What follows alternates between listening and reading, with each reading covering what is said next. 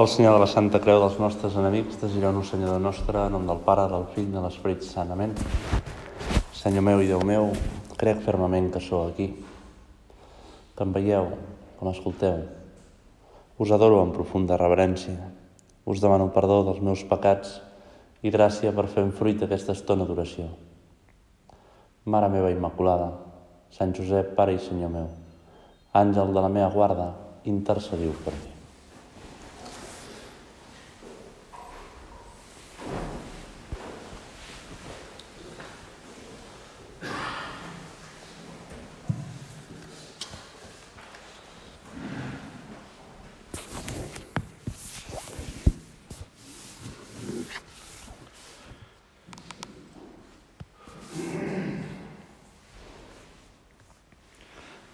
Principis de l'any 2000, a Madrid, a la Universitat CEU Sant Pablo, van organitzar unes conferències sobre el paper del cristià en el món d'avui.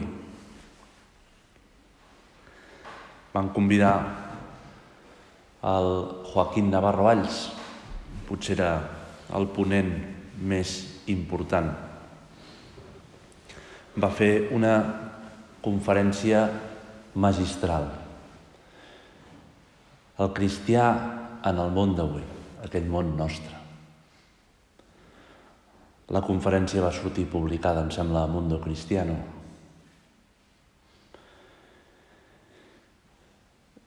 Va ser una conferència espectacular, amb una sapiència i amb una manera de, de dir super atractiva. Però al final de la conferència, com sortint-se del guió, com si el que hagués dit no arribés a tot el que volia dir, va sortir-se del... va semblar que se sortia del que havia preparat. I va dir una cosa així com, mireu,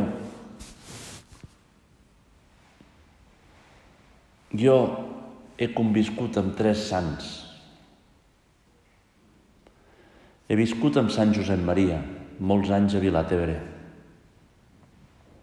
He treballat quasi 20 anys amb el papa Sant Joan Pau II. I he conviscut molt amb la mare Teresa de Calcuta perquè teníem una amistat personal.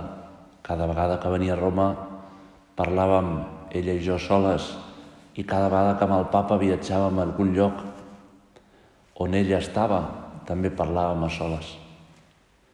He conviscut amb tres persones santes i les he conegut bé. I el que més m'ha impressionat d'aquests models cristians, que són els sants, el que més m'ha impressionat d'aquestes tres persones, a part de la seva entrega a la missió que Déu els ha confiat, el que més destacaria és el seu bon humor. La seva alegria. Fixeu-vos, hagués pogut dir la caritat, la sinceritat, la magnanimitat, la fidelitat, la... mil coses, però va dir el bon humor. Tots tres van patir moltíssim la seva vida. Sant Josep Maria entregant la seva vida per l'Església els últims anys de la seva vida, les conseqüències de la forta diabetes que havia tingut. El papa Sant Joan Pau II amb totes les conseqüències de, de, del disparo que va patir, amb totes les lesions, amb totes les infeccions, la seva agonia final. La Mare Teresa de Calcuta amb la seva nit obscura de l'ànima que va patir durant moltíssims anys tots tres, el que més s'ha de destacar, el que més m'ha impressionat és el bon humor. Nosaltres avui acabem la convivència. Hem parlat d'afany evangelitzador, de santedat, de postulat personal, d'amistat, de confidència, hem parlat de llibertat i parlem ara de bon humor. Per què el nostre pare ens insistia que en l'humà el més important és la llibertat i el bon humor. Nosaltres, que portem anys fent oració, que intentem, Jesús, identificar el nostre cor amb el teu cor.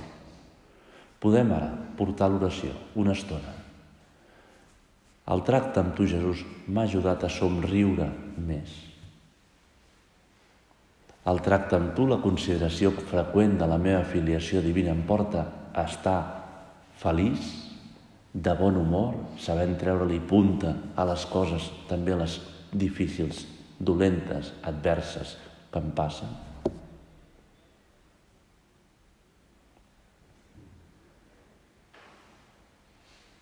És molt actual perquè hi ha una visió molt negativa.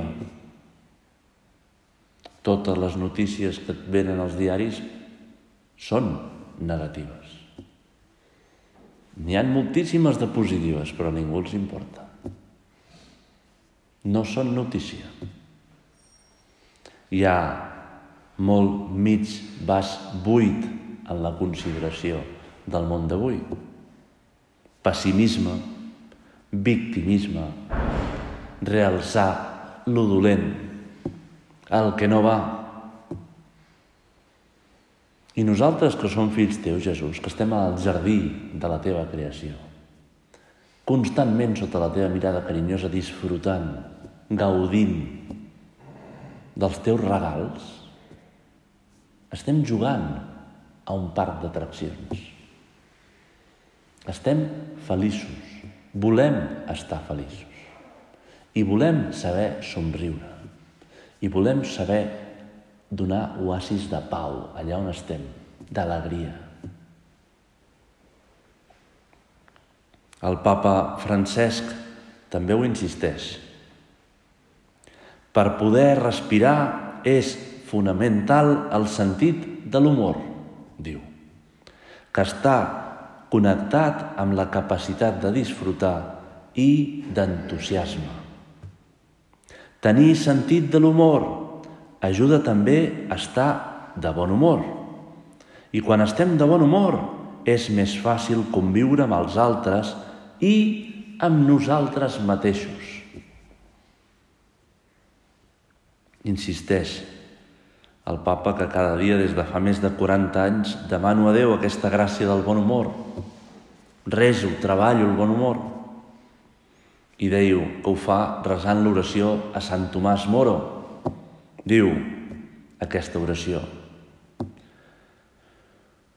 Concediu-me, Senyor, una bona digestió i també alguna cosa per digerir Concediu-me, Senyor, la salut del cos i el bon humor necessari per mantenir-la. Doneu-me, Senyor, una ànima santa que sàpiga aprofitar el que és bo i pur, perquè no s'espanti davant del pecat, sinó que trobi la manera de posar les coses un altre cop en ordre. Concediu-me una ànima que no conegui l'avorriment, les murmuracions, sospirs i laments. No permeteu que sofreixi excessivament per aquest, sens, per aquest ser tan dominant, per, per aquest ser tan dominant que s'anomena jo. Doneu-me, Senyor, el sentit de l'humor i la gràcia de comprendre les bromes, perquè conegui en la vida una mica d'alegria i pugui comunicar-la als altres. Amén.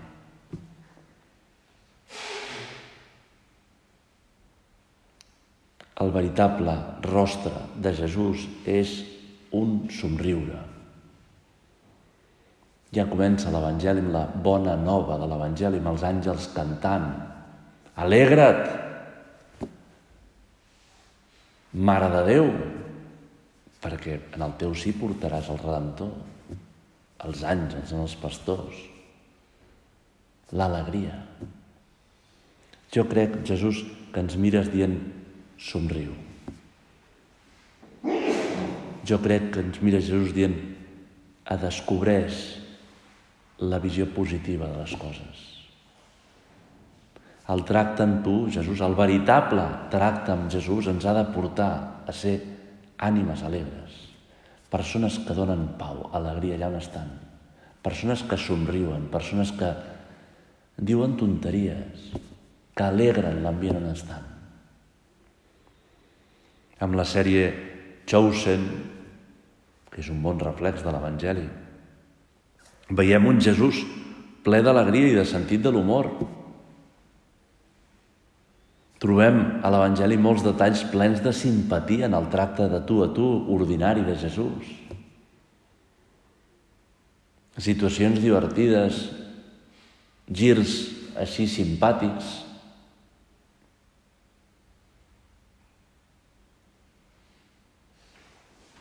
Això és el que reflexava Navarro Anys. Això és el que ens ensenyava Sant Josep Maria. En l'humà, bon humor, llibertat i bon humor. És propi de persones que tracten sovint a Jesús. És propi de persones que constantment davant teu, Senyor, van pensant, escolta, ja, somric prou, prou. Ja eh, trec, sé treure les coses positives, lluito per desencallar-me, Jesús, perquè et sé veure que m'estàs mirant en aquella situació difícil, en aquella complicació. Me n'adono de la teva mirada. Això és el que vol el nostre Pare de nosaltres, això és el que vol Jesús. Li podem demanar al Senyor, dona'm Jesús sentit de l'humor, que sàpiga treballar aquest sentit de l'humor, que sàpiga treballar aquest somriure. Fa uns anys, donant una petita plàtica a nens petits de primer de primària, els intentava ensenyar una cosa molt difícil, que és que ells mateixos es diguin que no als seus capricis. Mira, si això no convé, la mamà et diu que no, no ho has de fer perquè la mamà et digui que no, sinó que tu també et dius que no tu mateix. I vaig aixecar la mà una nena petiteta es deia Júlia. Deixem passat vuit anys d'això, nou anys. I, I va dir, i va dir no, si la mamà em diu que no, li dic al papà que sempre em diu que sí. Jo vaig intentar a veure si se n'adonava que no, que no anàvem bé. I no ho vaig aconseguir. Però vaig cridar als papàs, que eren amics meus, i els vaig dir, però m'ha dit això a la plàtica tu te n'adones que estàs fent una nena capritxosa, que serà trista, perquè, perquè fixa tot en lo material, que sempre ho voldrà tot com ella ho vol, i que a més no tindrà capacitat d'esforç, amb la qual no li sortiran les coses bé, i serà bastant negativa i bastant baixa autoestima. Em van dir, em van dir que sí, vam tenir una conversa simpàtica i, i em van dir, mossèn, què, mossèn? L'hem trobada al lavabo de la casa ensejant davant de les, del mirall cares de pena per aconseguir el que volia. Ensejant davant del mirall cares de pena per aconseguir les cosetes que volia la nena petita de primer de primària. Vaig adonar-me'n que era una tasca molt difícil, això de ser un pare d'un nen de primer de primària. No? Nosaltres podem ensejar davant del mirall cares de somriure. Perquè sabem, Jesús, que et volem alegrar. Nosaltres podem, Jesús, portar l'oració amb freqüència. Si, si, si donem bon humor a casa, si quan, arriba, quan arribem a casa supugem la temperatura de, de bon humor, d'alegria de casa, si sabem fer comentaris positius, si sabem explicar acudits, cantar cançons, li diria un supernumeri de Terrassa, si sabem ballar a la cuina.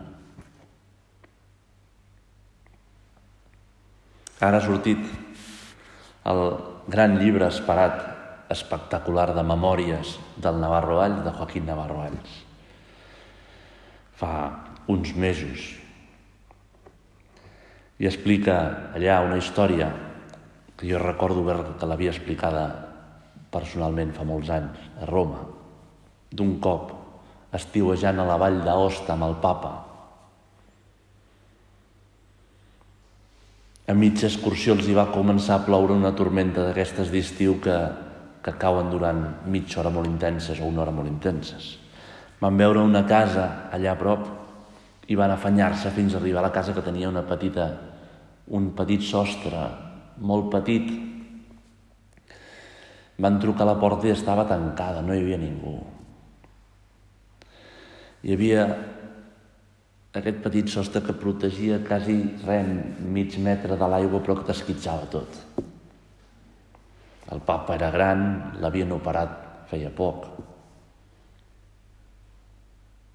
Un dels que l'acompanyava va fer com intenció de forçar la porta i obrir la porta, clavar-li una patada i que el papa, el papa entrés a dins.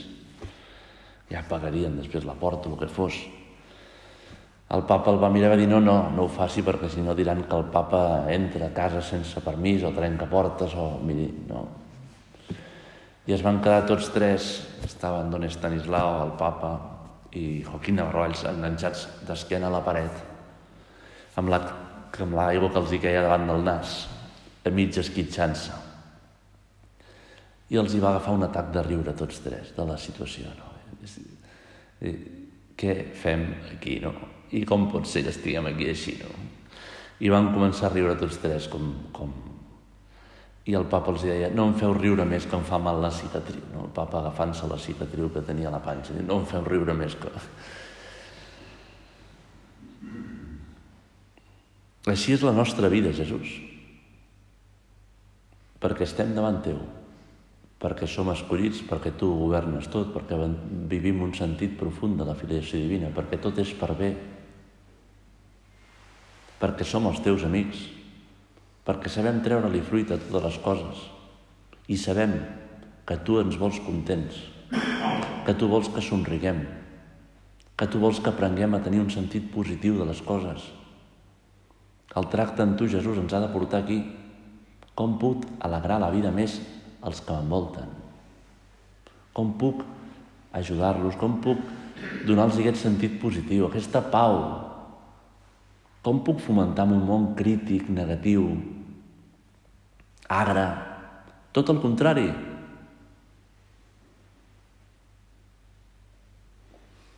Fa un parell d'anys, l'actual vicari general de l'obra, Mariano Fazio, el que ajuda en el govern de l'obra, don Fernando Cáriz, és un professor de, de la Universitat Pontifici de la Santa Creu, filòsof, coneixedor del pensament contemporani en varis llibres i diverses conferències espectaculars sobre el pensament modern.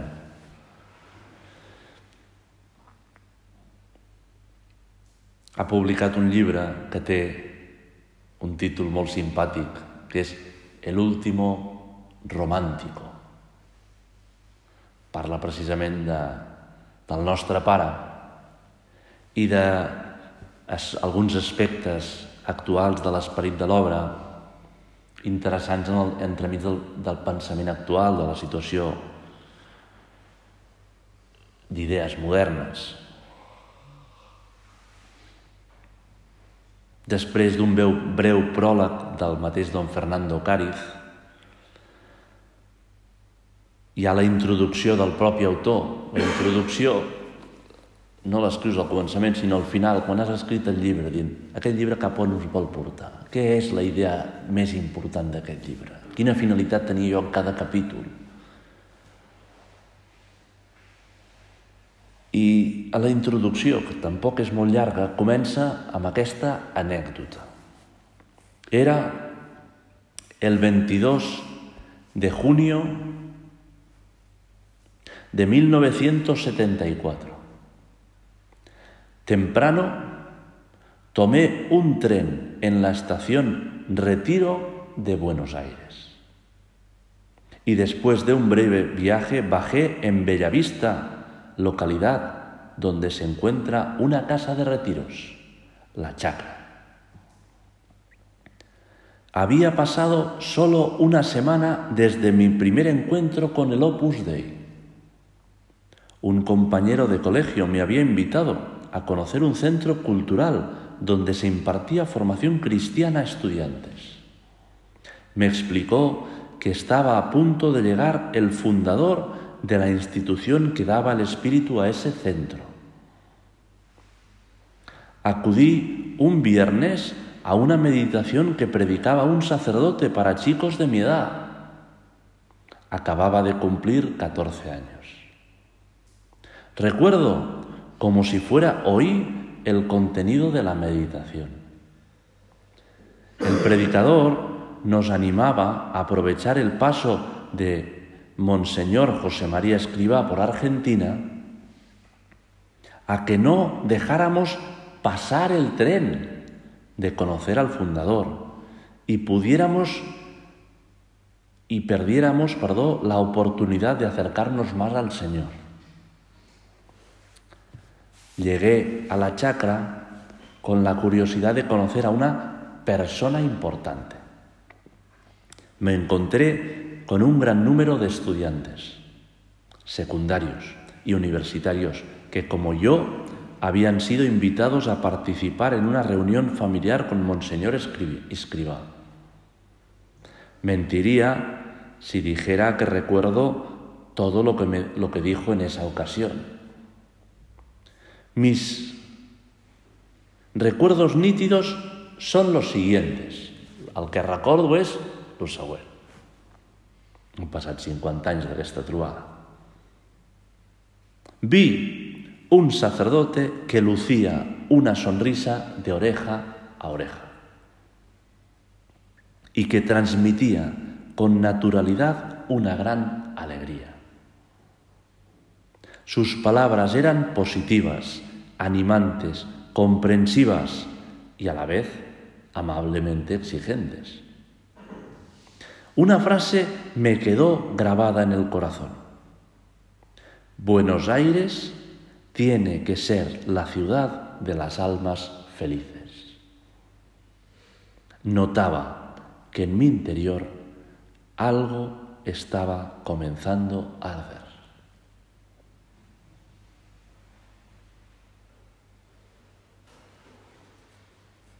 Y acaba, guardo otro recuerdo, bien definido. Uno de los presentes le dijo a San José María, Padre, Usted me ha cambiado la vida. Reconozco que aquello me golpeó. Me sirvió para hacer un examen de conciencia y llegar a la conclusión de que yo también tenía que canviar. Nosaltres, potser a través de Sant Josep Maria, també escoltem una cosa semblant. Girona ha de ser la ciutat de les ànimes felices. I més personalment, Jesús, casa teva ha de ser un lloc de pau, lluminós i alegre. I nosaltres, que ho volem fer així, Senyor, davant teu puc preguntar. Soc una persona feliç. He après a viure constantment en presència de Déu. Estic somrient. M'hi esforço. Tinc un problema, treballo per solucionar aquest problema. Noto que sóc una persona sèria, treballo per ser més alegre. Com aquesta nena petita amb el mirall. Com aquest que no sap explicar acudits i, i ho intenta a casa. Fins que tothom diu, eh, deixa-ho estar. no cal que ho intentis. Però ja has alegrat a la família.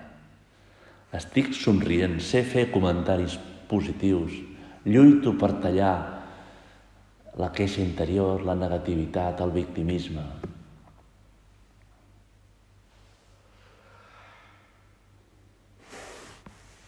Padre, usted me ha cambiado la vida. Jesús, tú me has cambiado la vida. M'has ensenyat a viure com a fill teu.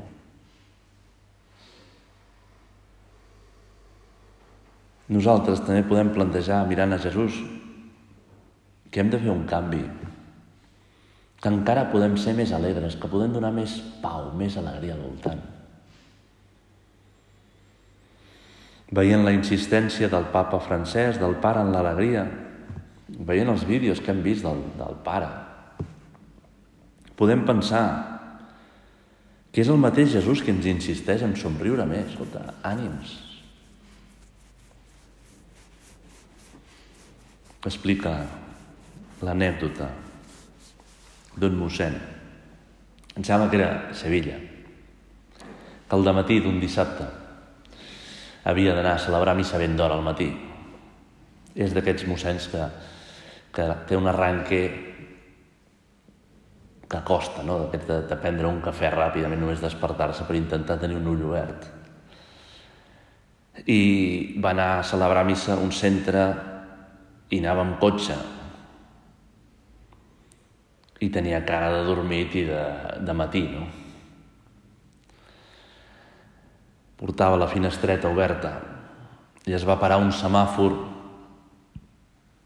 per allà a prop hi devia haver una discoteca i va sortir com un borratxo. El borratxo a veure el mossèn al cotxe. Se li va acostar.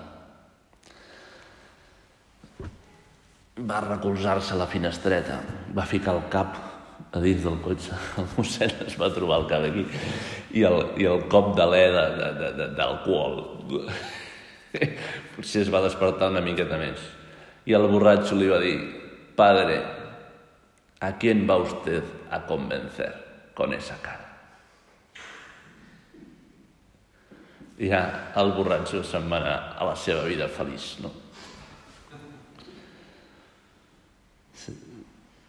El mossèn li va servir per despertar-se una miqueta més, però el mossèn encara li va servir més.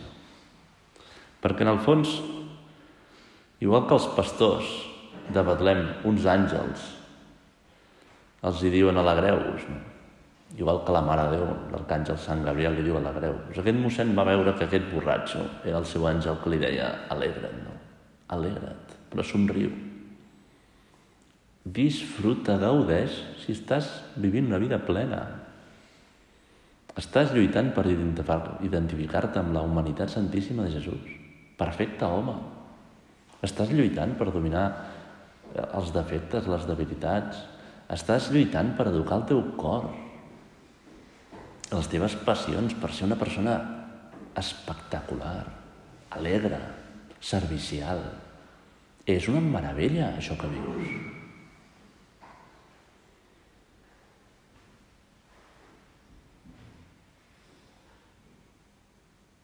El borratxo ja sabia que no tenia la veritat, però en el fons s'adonava que la seva vida no portava res, però necessitava l'estímul de veure un camí atractiu. Tanta gent necessita l'estímul de veure un camí atractiu. Tanta gent no necessita bronca, sinó comprensió, carinyo, ànims i un somriure. Vinga.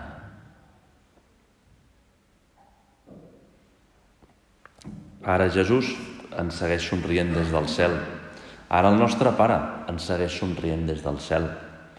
Ara la Mare de Déu ens mira des del cel com a Mare nostra. Deixa de valorar les coses amb, el teu, amb la teva regla com un nen petit.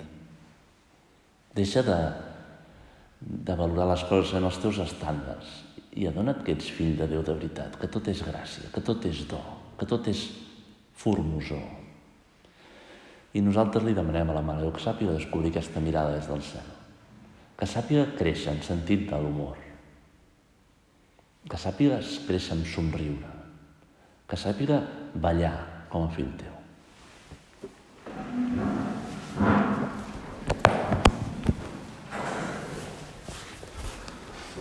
Us dono gràcies, Déu meu, pels bons propòsits, efectes i inspiracions que m'heu comunicat en aquesta meditació. Us demano ajuda per posar-los per obra. Mare meva Immaculada, Sant Josep, Pare i Senyor meu, àngel de la meva guarda, intercediu per